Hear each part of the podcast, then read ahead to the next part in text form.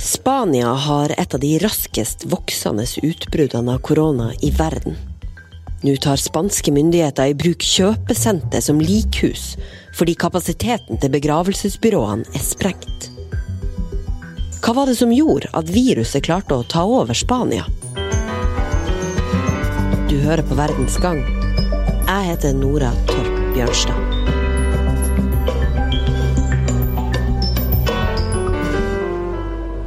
De kaller det det nye Italia, fordi det står virkelig ille til i Spania nå. Myndighetene i Madrid har altså måttet ta i bruk et kjøpesenter i byen, fordi begravelsesbyråene har så mye å gjøre at de ikke klarer å ta imot flere døde kropper, melder spanske medier.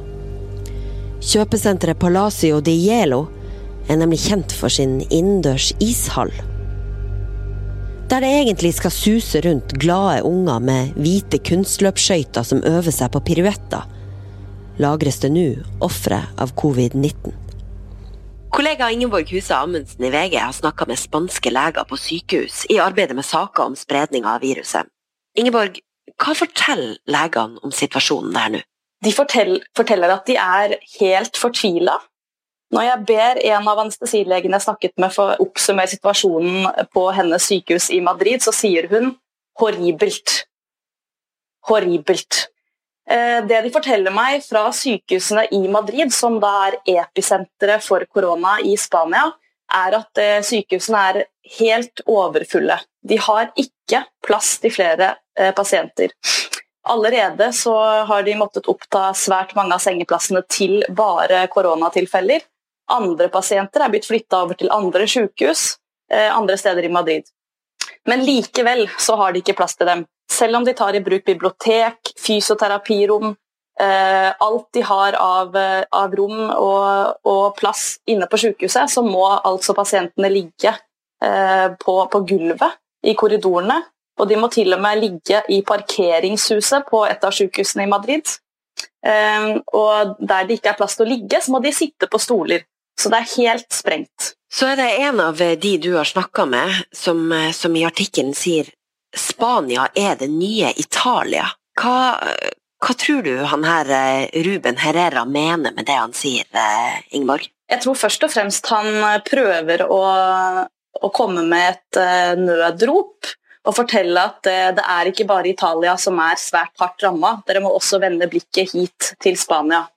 Eh, så det vi ser i, i Spania nå, er at det, eh, dødskurvene og smittekurvene er eh, på vei opp i en forrykende fart. Og de minner veldig om de vi ser i Lombardia og i den mest ramma regionen i Italia. Sånn at det, det de forteller på bakken i Spania, er mye av det samme som vi har hørt i Italia i dagene som har gått. Det er en hjerteskjærende situasjon hvor leger og helsepersonell forteller at de må velge hvilke pasienter de skal prioritere. Hvem er det som skal få respirator, og hvem er det som ikke skal få hjelp til å puste, og som i verste fall ender opp med å dø. Spania var seinere ute enn mange andre land med å skjønne alvoret. 31.1 ble det første tilfellet av koronasmitte bekrefta i landet. Det var en måned før vi fikk vårt første tilfelle i Norge. Og likevel mens vi her til lands avlyste det tradisjonsrike 8. mars-toget på den internasjonale kvinnedagen, så gikk det sin gang som vanlig, med store mengder av folk tett sammen ute i gatene i Spania. Både kona til statsministeren og opposisjonslederens partner deltok. Begge har i ettertid testa positivt for koronaviruset, i likhet med to medlemmer av regjeringa, som også gikk i marsjen, ifølge The Economist. Hvordan er smittespredninga i Spania sammenligna med andre land i Europa nå, egentlig? Spania er det nest hardest ramma eh, landet i Europa etter Italia. Statsminister Pedro Sanchez Sánchez har jo bedt spanjolene om å stålsette seg og forberede seg psykisk på hva de har i vente. Så Italia eh, er hardest ramma foreløpig, og så kommer Spania. Så kommer Kina, og så er New York på, på vei opp også.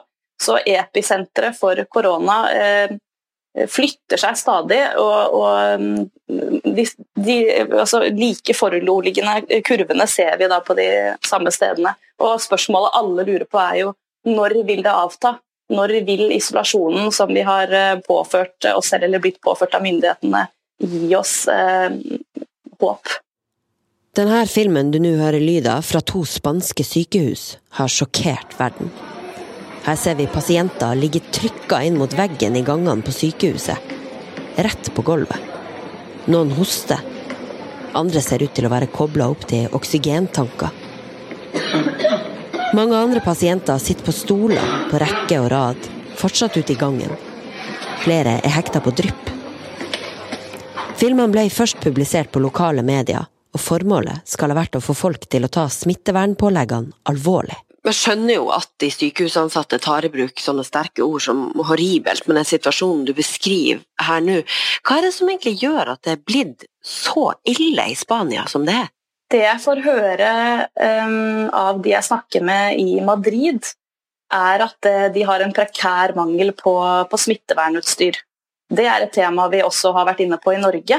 Eh, verden eh, stort sett er ikke forberedt på denne pandemien. Vi har ikke utstyr til å beskytte eh, oss vir altså mot viruset. Og De som står i førstelinje, er jo helsepersonell. og Siden dette viruset er så ekstremt smittsomt, så har det seg sånn at i Spania så er 12% av den totale andelen smittede, som vi vet er over 40 000, 12% av de er helsepersonell de er blitt smitta på jobb i kampen mot viruset. Og mange av de er eh, unge og arbeidsføre og vil trolig klare seg ganske bra. Noen få er nok innlagt også, men de er jo satt ut av spill, sånn at de kan ikke gjøre jobben sin. De kan ikke krige mot korona eh, sånn som de burde ha vært i stand til, fordi de ikke har mulighet til å beskytte seg. Det de forteller, er at de må bruke engangsutstyr gjennom en hel dag. De går fra pasient til pasient eh, med det samme utstyret. Eh, så de sprer jo også potensielt smitte videre til, til andre. Eh, også sin egen familie. Så de er jo redde for å jobbe fordi de ser at det er farlig. Og i Italia så har jo et titalls leger og helsepersonell dødd av korona. Så dette er alvor. Ja, altså det her med smitte i helsesektoren, at, at koronaen liksom får feste på et sykehus. Uh, hvilken effekt får egentlig det, Ingeborg? Nei, det er jo en situasjon det er vanskelig å, å komme ut av. Eh, hvis det er smitte overalt og det er ute av kontroll, hvordan da opprette såkalte rene soner? Eh, så det er jo rett og slett det at eh, helsepersonell som har fått påvist smitte eller har symptomer, må, må være hjemme i karantene og ikke kunne jobbe. Og da I Spania og i eh, Madrid så setter de inn ung, uerfaren arbeidskraft, og til og med også leger som, som kanskje allerede nesten er for gamle til yrket og som er i risikogruppa. Så det medfører jo en del komplikasjoner. Og En annen årsak til at det er blitt så ille i Spania nå, er jo også fordi at de var eh, ikke forberedt. Det forteller leger og sykepleiere i Madrid til meg. Ehm, både det at de ikke hadde smittevernutstyr, eh, tilstrekkelig av det, og at de ikke hadde fått opplæring eh, nok i hvordan de skal ta det av og på i håndteringen av det.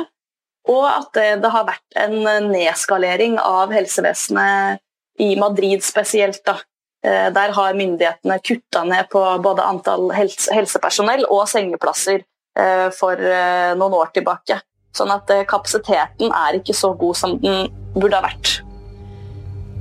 Nylig sa en talsperson for myndighetene at de er forberedt på at 80% av folk i hovedstaden Madrid kommer til å bli smitta av viruset, rapporterer statistikkbyrået Statista.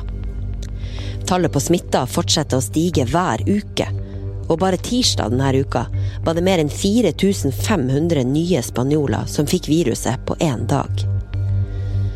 Onsdag formiddag er det offisielle tallet på smitta 47 610.